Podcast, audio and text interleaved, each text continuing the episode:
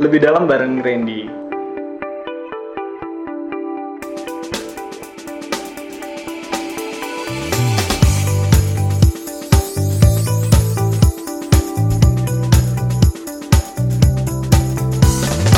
Jadi ketika lu nih udah ngerasa aman gitu kan, oh ya udah udah baik-baik aja, situasi udah mak- udah semakin baik gitu. Justru malah itu berbahaya karena ya udah deh kalau misalkan lu mau support, Duit support aja moral duit. itu udah le- support moral itu udah lebih baik ya. Bah nyampe ke puskesmas, jeng jeng jeng jeng. Itu mulai dari tua, muda, anak-anak, itu tuh di situ semua. Nyampur. Kebayang nggak lu? Oke, kita akan terhubung dengan Menteri Kesehatan ya. Waduh, Siapa? Pak, Bapak ke mana sih, Pak? Udah lama banget saya pengen meluk nyokap gua gitu. Tapi Waduh. gue harus sabar-sabar dan harus gue tahan.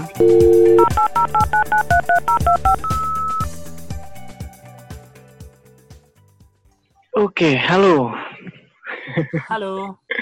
Halo. Halo. Ya, masih ada Randy, Mbak Ratri, dan juga Hedi yang namanya masih disamarkan. nah, buat yang baru denger eh, episode kali ini, gue akan kasih flashback episode sebelumnya ya. Kayak gini. Itu gue langsung down sedown-downnya. Karena gue sendiri ngerasa gue udah berusaha untuk di rumah gitu. Gue udah Iya, berusaha iya, untuk jaga iya. keluarga gue untuk eh, nggak ke mana-mana. Oke, kita mulai dengan episode yang sekarang melanjutkan cerita Hedi eh, yang saat ini masih sedang dalam proses penyembuhan sebagai pasien eh, positif COVID-19 ya. Mm-mm. Siap. Ya. yang ceritanya di episode sebelumnya tuh banyak banget eh, pelajaran yang bisa kita petik dan yang sekarang sebenarnya fokusnya ke apa yang Heidi lakukan ketika sudah dinyatakan positif COVID. Bagaimana cara pengobatannya, bagaimana melakukan isolasi mandiri, mungkin Heidi bisa cerita. Oh, saya Baik. jalan-jalan keliling kampung. Eh, Woi, buset, jangan, Bu. dari kampung kita. Enggak. Iya, jadi yang yang gua dan nyokap lakukan karena bokap kan diisolasi di Wisma Atlet kan. Jadi gua Oke. ya udah di rumah aja. Hmm. di rumah aja. Even kayak gue di rumah walaupun sama-sama positif, tapi gue selalu menekankan ke gue dan nyokap gue untuk kita walaupun di rumah tetap harus pakai masker. Oke. Oh ya? Iya, karena gue nggak tahu siapa yang apa lebih apa siapa yang sembuh duluan itu kita nggak tahu. Oke, benar-benar benar. Misalkan bisa jadi ternyata nyokap gue udah sembuh duluan tapi gue masih ada. Kalau misalkan gue apa nggak pakai masker, ya udah itu akan jadi siklus aja nggak kelar-kelar. Ya. Nah, gimana caranya Benar. supaya siklus ini tuh terputus? Jadi gue sama nyokap gue ya udah nyokap gue di kamar nyokap gue, gue di kamar gue sendiri. Eh ya kita pakai masker, terus gue juga apa berusaha untuk cuci tangan rutin. Gue ingetin juga nyokap gue udah cuci tangan rutin. Ya udah makan cukup jaga jarak gitu kan. Terus sama ya udah sebenarnya aktivitas seperti biasa aja sih. Kayak ya kita melakukan kerjaan masing-masing gitu. Tapi tetap aja jaga jarak. Terus gue udah lama banget saya pengen meluk nyokap gue gitu. Tapi Waduh. gue harus sabar-sabar dan harus gue tahan. Oke, oke. Iya, iya, iya. Oke. Didi, gue Kayak mau gitu. nanya Dedi. Eh, Gimana tuh? lu tuh di- dikasih obat gak sih dari rumah sakit? Mm-mm. Hmm, enggak ya. Jadi sebetulnya kalau Hmm. saran dari rumah sakit itu ada pusat kes- lemba apa dari eh, health center ya. Itu ya cukup jaga makan, istirahat, minum vitamin. Vitaminnya itu kalau misalnya dosisnya cuma 50 gram, eh berapa 500 gram ya? Ya lu dua kali sehari gitu. Paling enggak eh, vitamin lu vitamin C ya itu ya seribu lah sehari seribu miligram ya. UC 1000 dong. Waduh, iklan, Pak. Iklan. sponsor, Pak, nanti, kali Pak. aja ya boleh ya silakan Iya. atau C atau Esther C Aduh. ya kayak gitu Aduh, semua. Nyebut merek sih, Bapak. Sebut. Ya, apa-apa kali aja kan lumayan ya Ren Iya, iya, iya. Iya, iya. ya kayak Oke. gitu jadi ya itu sama makan buah Mungkin intinya sih memang- jaga daya tahan tubuh kuncinya adalah lu Nah. menjaga daya tahan tubuh gitu Hmm, Karena memang belum Oke, ditemukan obatnya juga ya. Maksud ya vaksin Iya. itu ya sebagai obatnya kan Iya, belum ditemuin. walaupun di berita-berita kan ada yang obat ini obat itu ya Obat Eh, herbal. maksud obat gue herbal. betul karena gini bisa Mbak, aja ada jangan mulai, kerabat Pak. eh jangan jangan ntar ada- gue di ada kerabat lu cokok Lu. lagi.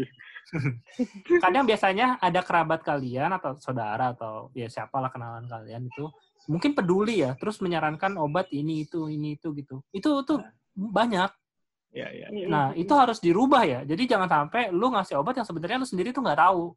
ya. Iya. Itu tuh obat bener apa enggak. Justru nanti apa ketika dia minum obat itu justru malah menimbulkan dampak yang lain kan nggak tahu. Jadi baiknya adalah ya udah deh kalau misalkan lu mau support Duit support aja moral duit. itu udah support moral itu udah lebih baik ya dibandingkan lu Iya. ngasih obat-obatan yang nggak jelas gitu. Ya, Support Kalau kuota bokap lu juga buat nonton ada- Netflix segala macam kan enak ya. Oh, baik. Eh, Di, berarti bokap lo juga eh, mungkin kalau dikasih obat itu obat pereda aja kali ya. Kayak misalnya kalau eh, beliau batuk ya berarti dikasih obat batuk gitu aja ya. Tapi nggak nggak ada yang bisa ngebunuh si virusnya itu ya, kecuali daya tahan tubuh lo sendiri ya. Belum ada betul betul betul. Untuk saat ini Hmm. belum ya. Oke. Kayak, kayak sebetulnya kayak common cold gitu. Kayak common cold itu kan sebetulnya dia bisa sembuh dengan sendirinya asal lu jaga daya, tu- daya tahan tubuh lu. Kalau Hmm. misalkan lu misalkan nih lu di luar negeri gitu. Dokter itu kalau misalnya lu tahu common cold itu nggak bakalan gampang ngasih obat. Mm. Paling sarannya adalah ya udah istirahat yang cukup, makan makanan yang bergizi, minum vitamin, udah itu. Ka- Karena Mm-mm. memang itu ya yang yang dilakukan. Iya, iya. Oke. Eh gini, apa yang lo lakukan sekarang yang saat ini eh, proses recovery ini itu lo ada yang mandu nggak? Misalnya dari orang puskesmas kah, dari RT lo kah, atau yang lain gitu ada yang mandu nggak? Atau lo cari-cari sendiri itu protokol? Kalau RT enggak. Kalau gue juga sempat nanya-nanya sama apa eh, petugas kesehatan ya, gue harus gimana nih jadinya kalau gue mau isolasi mandiri gitu. Jadi dia kasih tahu, terus gue juga nyari informasi sendiri. Jadi ya harus lebih ke inisiatif sendiri ya Hmm. Oh gitu. jawabannya.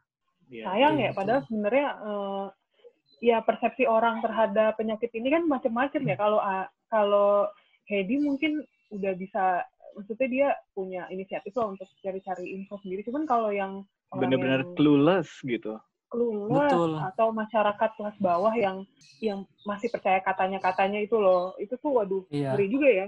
Nah, itu harus Iya. sebenarnya harus dibimbing dari apa fasilitas kesehatan ya. Karena waktu itu pun sebetulnya eh, ketika gue di dinyatakan positif ya mungkin di podcast podcast sebelumnya gue di episode sebelumnya gue udah ngasih tahu kalau misalkan gue dan keluarga gue langsung ngabarin PRT gitu untuk ngasih tahu bahwa nih warga kalian ada yang terinfeksi gitu.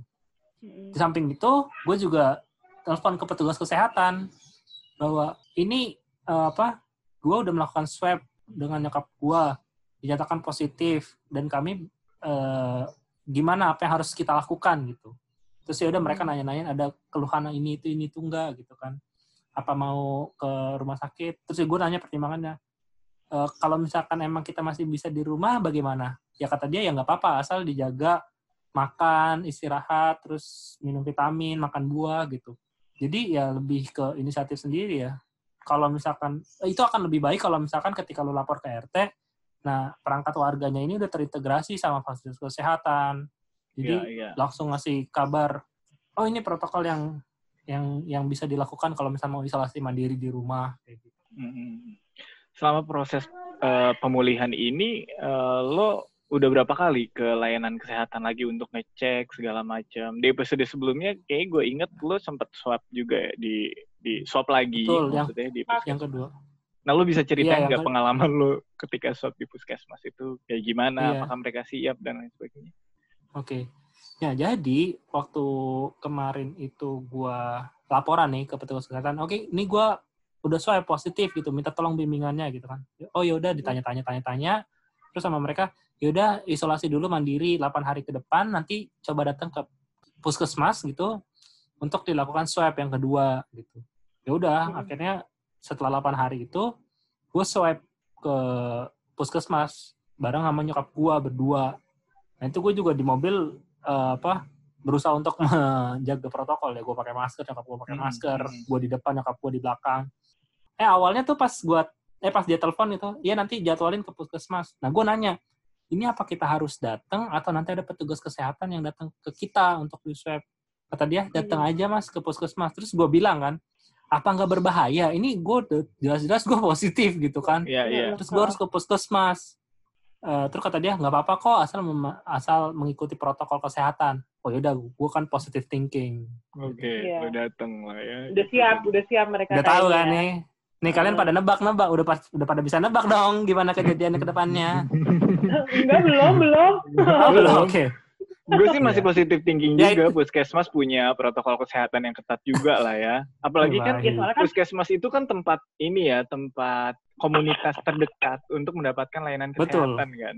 betul. Betul. Ibaratnya kalau berpikiran kalau lo ada apa-apa gitu, masalah sosial misalnya lo ada apa-apa lo ke Pak RT gitu. Tapi dalam hal Iya. kesehatan kalau ada apa-apa ya yang paling dekat ada puskesmas gitu. Jadi gue masih positif thinking bahwa puskesmas itu punya protokol kesehatan yang ketat.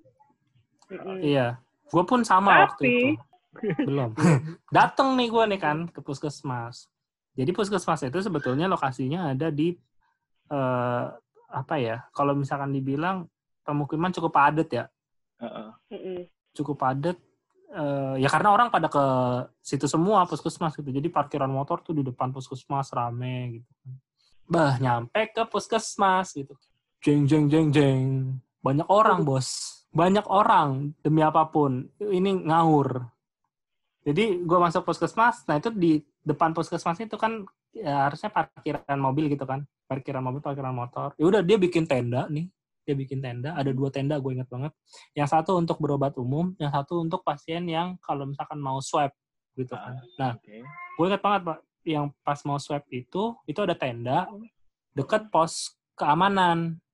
Oke. Di situ tuh ada meja, di situ isinya ada petugas kesehatan, dia pakai hazmat sih, pakai hazmat lengkap gitu. Ada bangku sukit sekitar 16 ya, 4 kali 4 Jarak-jarak, berjarak-jarak.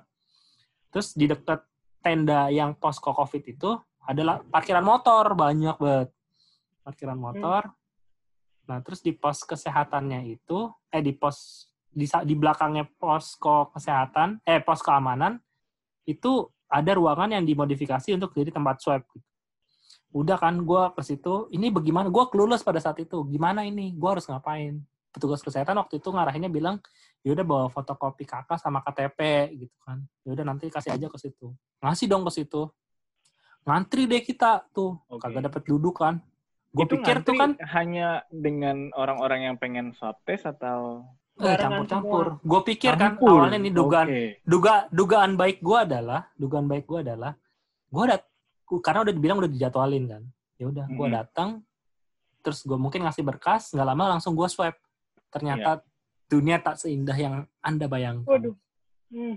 iya jadi gue mesti Dapat. ngantri dulu itu barengan sama orang yang anggota keluarganya ada ada yang terinfeksi nah dia baru mau tes jadi kita belum tahu tuh sebetulnya mereka itu sehat atau enggak Oke. itu mulai dari tua, muda, anak-anak. Itu tuh di situ semua. Nyampur Kebayang gitu. nggak lu? Iya, kebayang nggak lu? Ya walaupun mungkin kalau misalnya mau pelayanan KIA itu dia memang tendanya terpisah ya jauh, rada jauh gitu. Tapi ini nih untuk yang berhubungan dengan COVID itu tuh masih nggak jelas coy, masih campur-campur. Kayak misalkan, Oh. Ini gua nih, gua, gua yang udah isolasi mandiri 8 hari gitu kan, gue mau tes lagi. Ternyata bisa aja kan situasinya kalau misalkan ya bisa misalkan dalam 8 hari itu gue udah sehat gitu. Terus Iya. ternyata karena situasinya kayak gitu bisa aja gue terinfeksi kembali gitu. Atau Iya, misalkan iya, iya. ada orang yang baru mau swab karena anggota keluarganya ada yang terinfeksi, padahal sebetulnya dia sehat-sehat aja. Iya, Cuma karena datang ke situ ketemu sama gua, bisa jadi dia terinfeksi gitu kan. iya. Atau yang itu tuh baru-baru tua- punya gejala gitu ya. Terus Betul. dicampur sama yang udah jelas-jelas positif gitu ya. Iya. Mudahnya tuh. Itu tua, muda, campur. Ada yang sedih tuh ada anak-anak di situ gitu kan. Ada anak-anak. Iya ada sih pakai masker, tapi kan balik lagi yang mungkin di episode sebelumnya udah gue, udah bilang. Ya kita mungkin melaksanakan itu, tapi seberapa benar kita melakukan itu gitu kan. Ya, ya. itu kayak cuci tangan gitu. Ada sih cuci tangan. Tapi kan lu masih pakai keran yang puter. Terus Oh, sabun nggak iya. ada. Tapi nggak ada tisu. Gimana coba lu?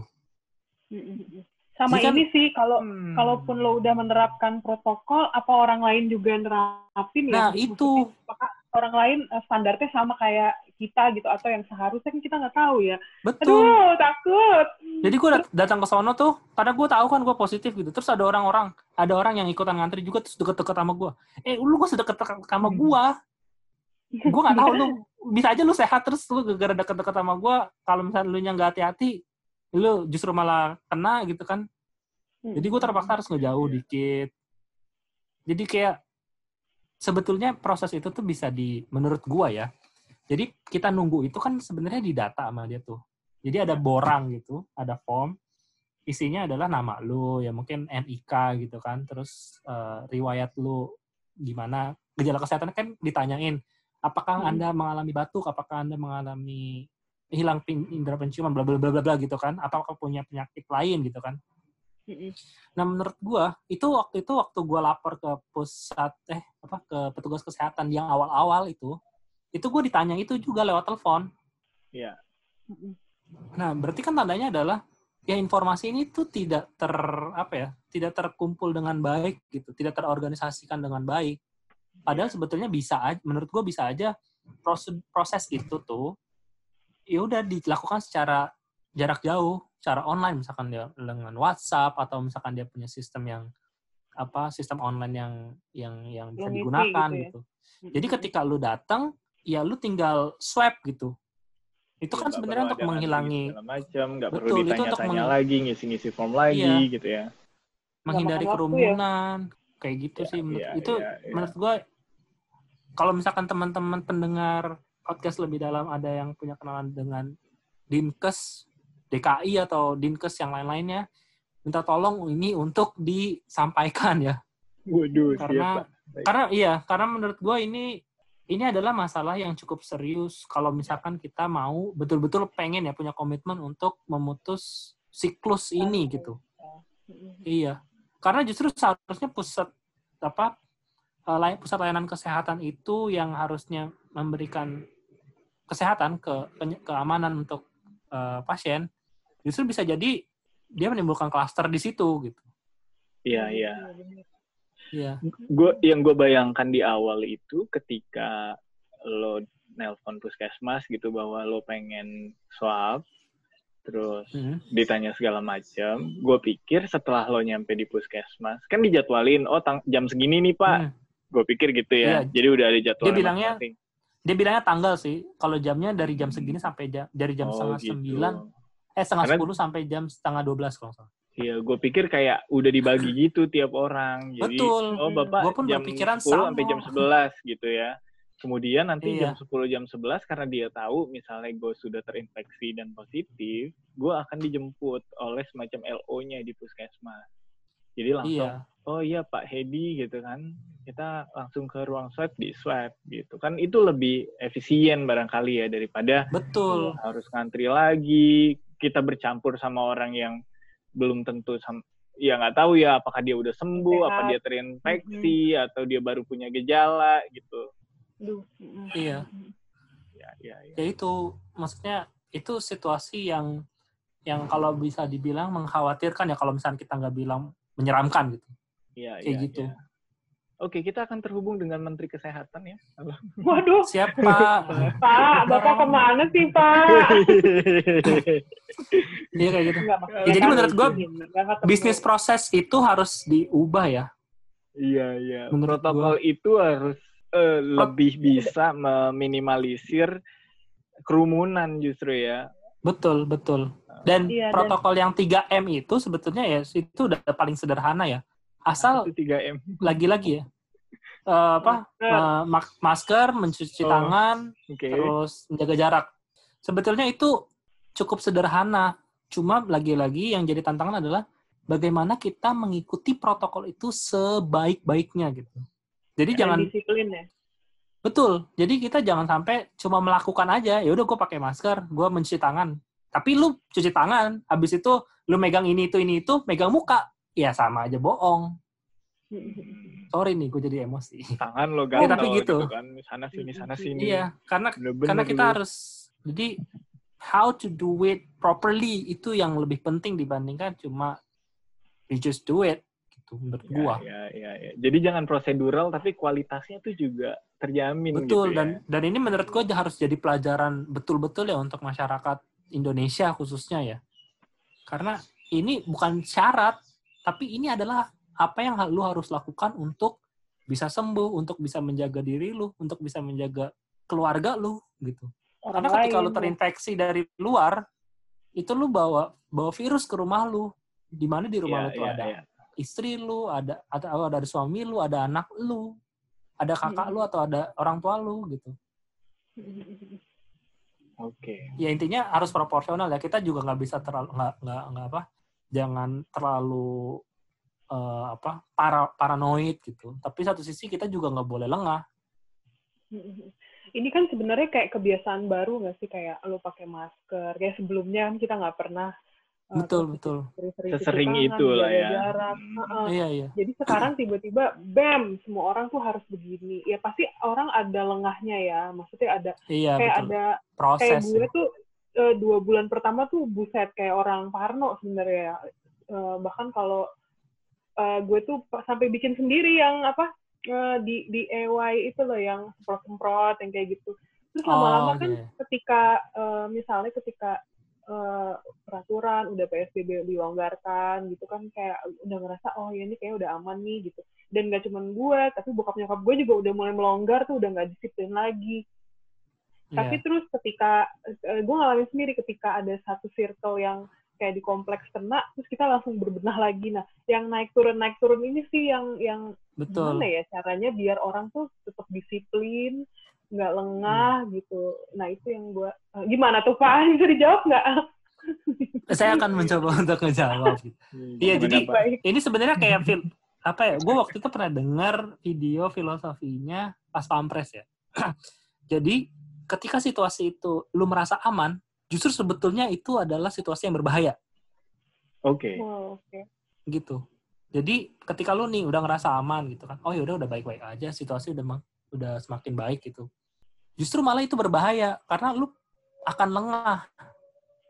Nah kita nggak boleh kayak gitu. Menurut gua ya hidup sekarang itu berubah, udah harus berubah gitu. Karena eh apa? Ya kita harus lebih disiplin, tapi jangan lagi-lagi jangan parno ya.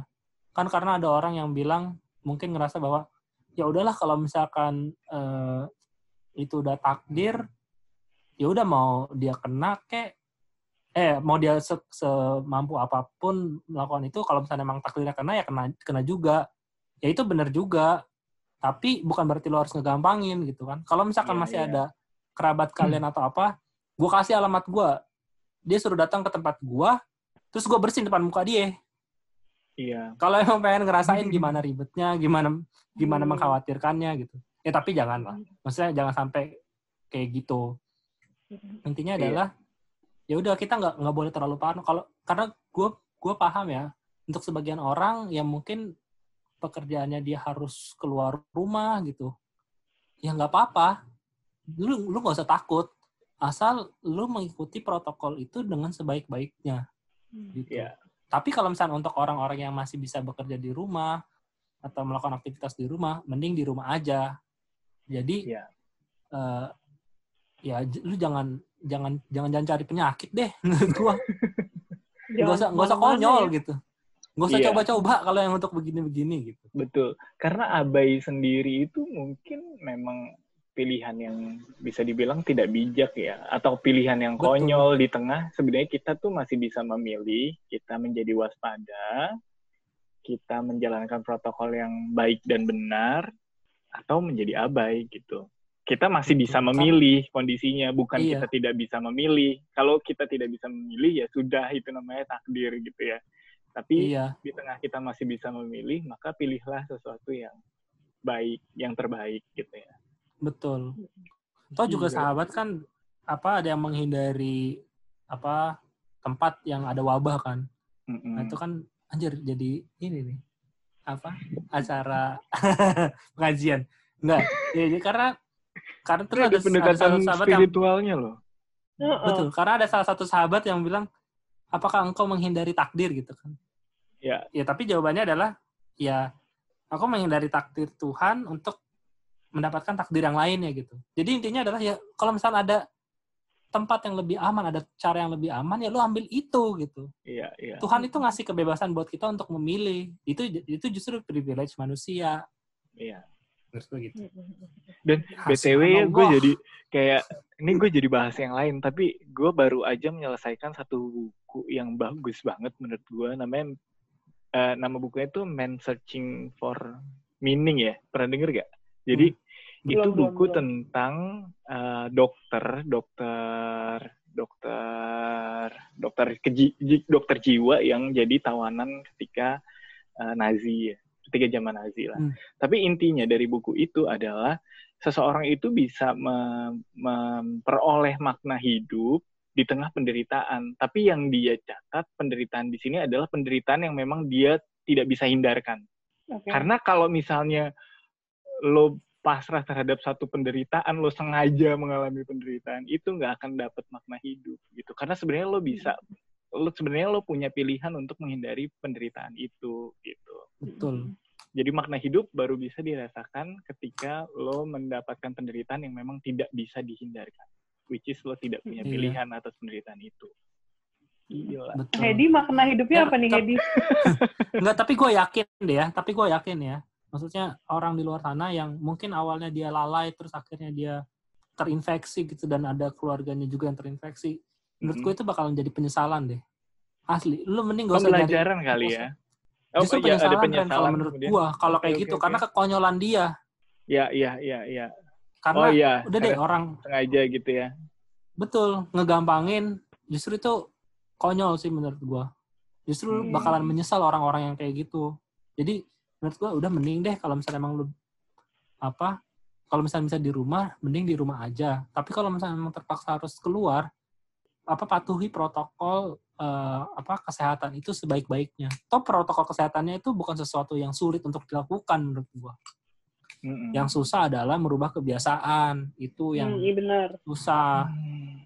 Tapi mau Iya. nggak mau kita harus moving forward ya. Jadi mau nggak mau harus berubah gitu.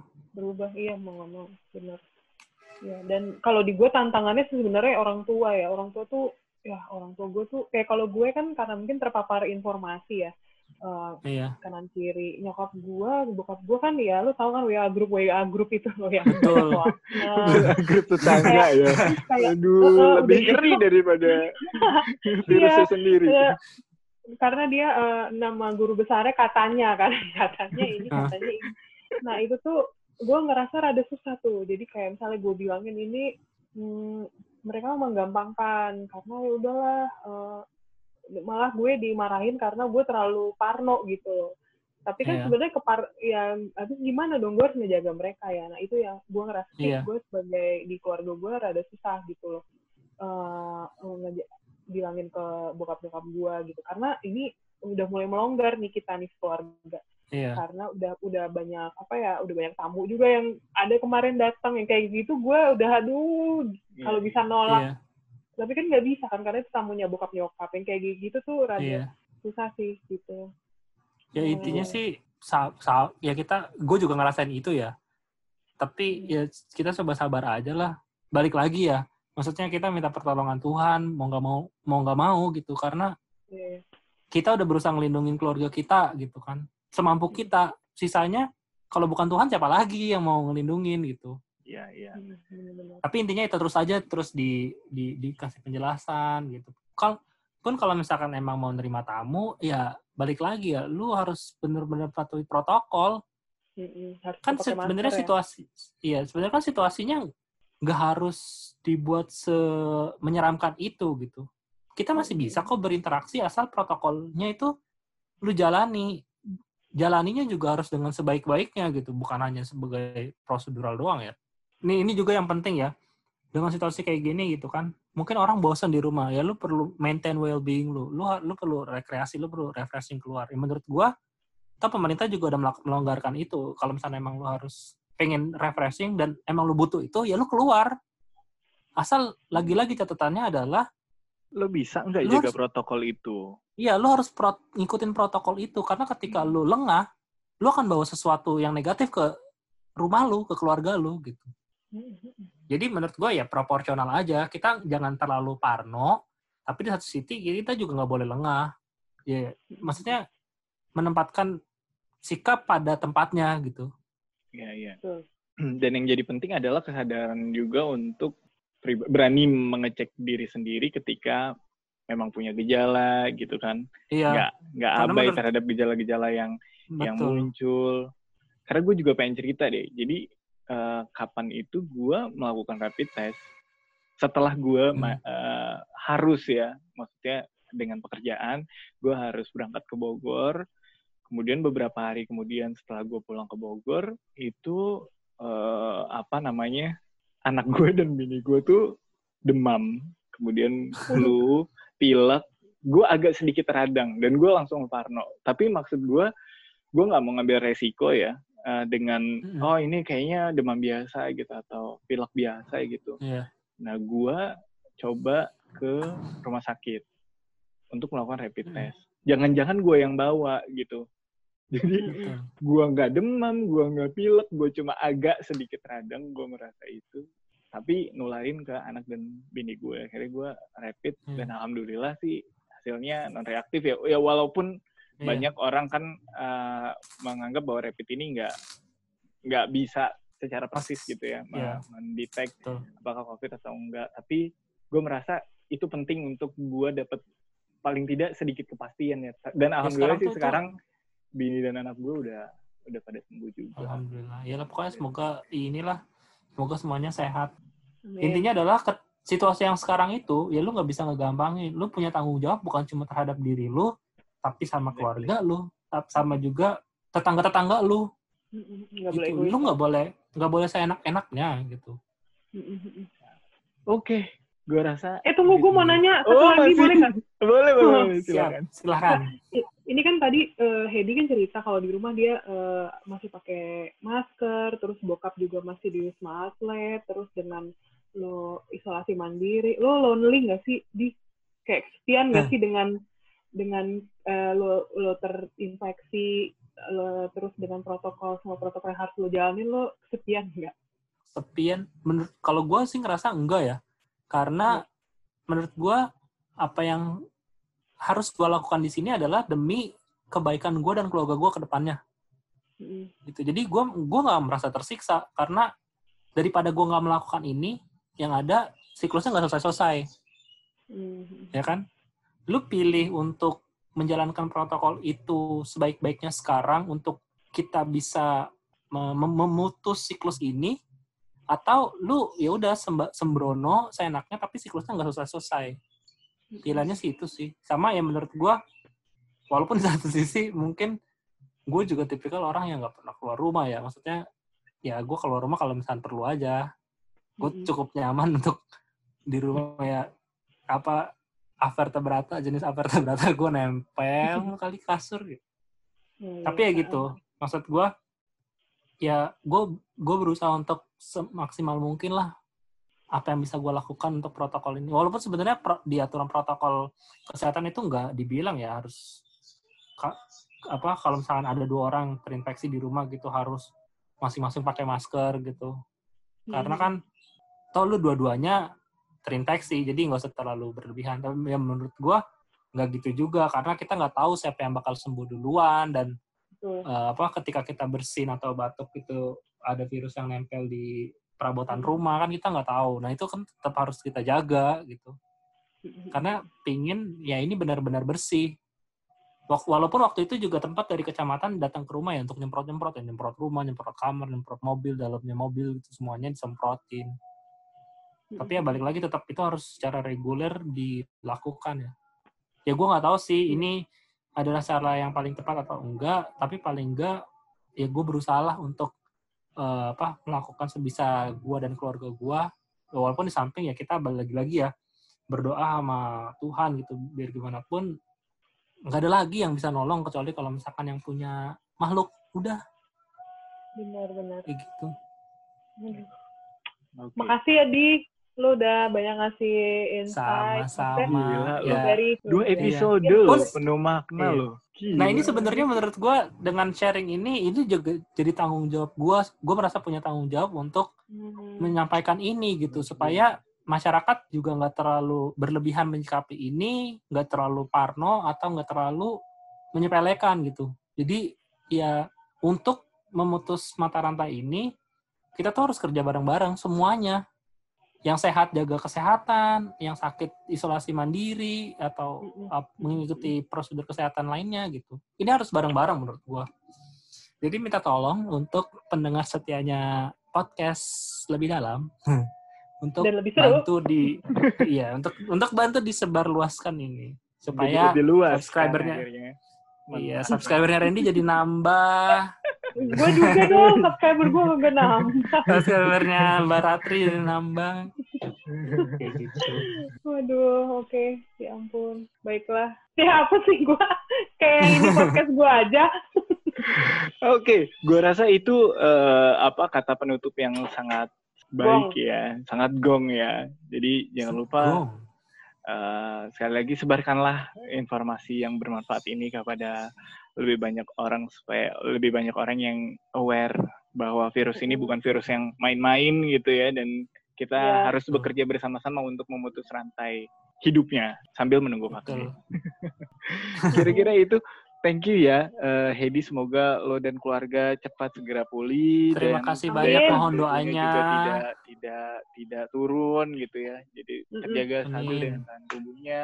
Amin. Semoga Amin, amin. Thank you banget. sekitar lo juga suportif terus ya kan. Iya, amin. amin amin Hmm, Walaupun gue lagi-lagi sempet shock waktu dengar pertama kali ternyata lo positif. Gue gitu. juga lagi. Apalagi yang bener-bener ngerasain ya.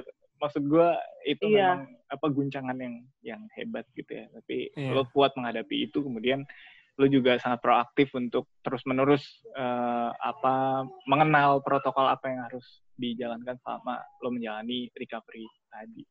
Selalu Akhir kata. Akhir kita akan terhubung kata, dengan oh. Pak Jokowi. Sebuah plot twist asik Oke, thank you ya. Eh, udah mau gabung. thank you Randy Mbak Ratri Thank you. Thank semoga you, Randy. bermanfaat Ya, Thank you juga udah ngundang gue sebagai co-host ya. ya. Besok-besok kita Apakah, eh, apakah akan collab- tetap diundang? Besok-besok kita uh, uh, collab-collab podcast lagi ya. Mungkin Baik. Heidi dengan nama sebenarnya. Jadi co-host juga. Si- siap Jadi makin banyak orangnya kayaknya makin seru nih podcast gue. Oke, iya Iya. Oke, sampai ketemu lagi Thank ya. you, thank you. Dadah. ketemu lagi. Jaga kesehatan, pakai masker, cuci kalian tangan, juga jaga stay jarak. safe siap dah Dah.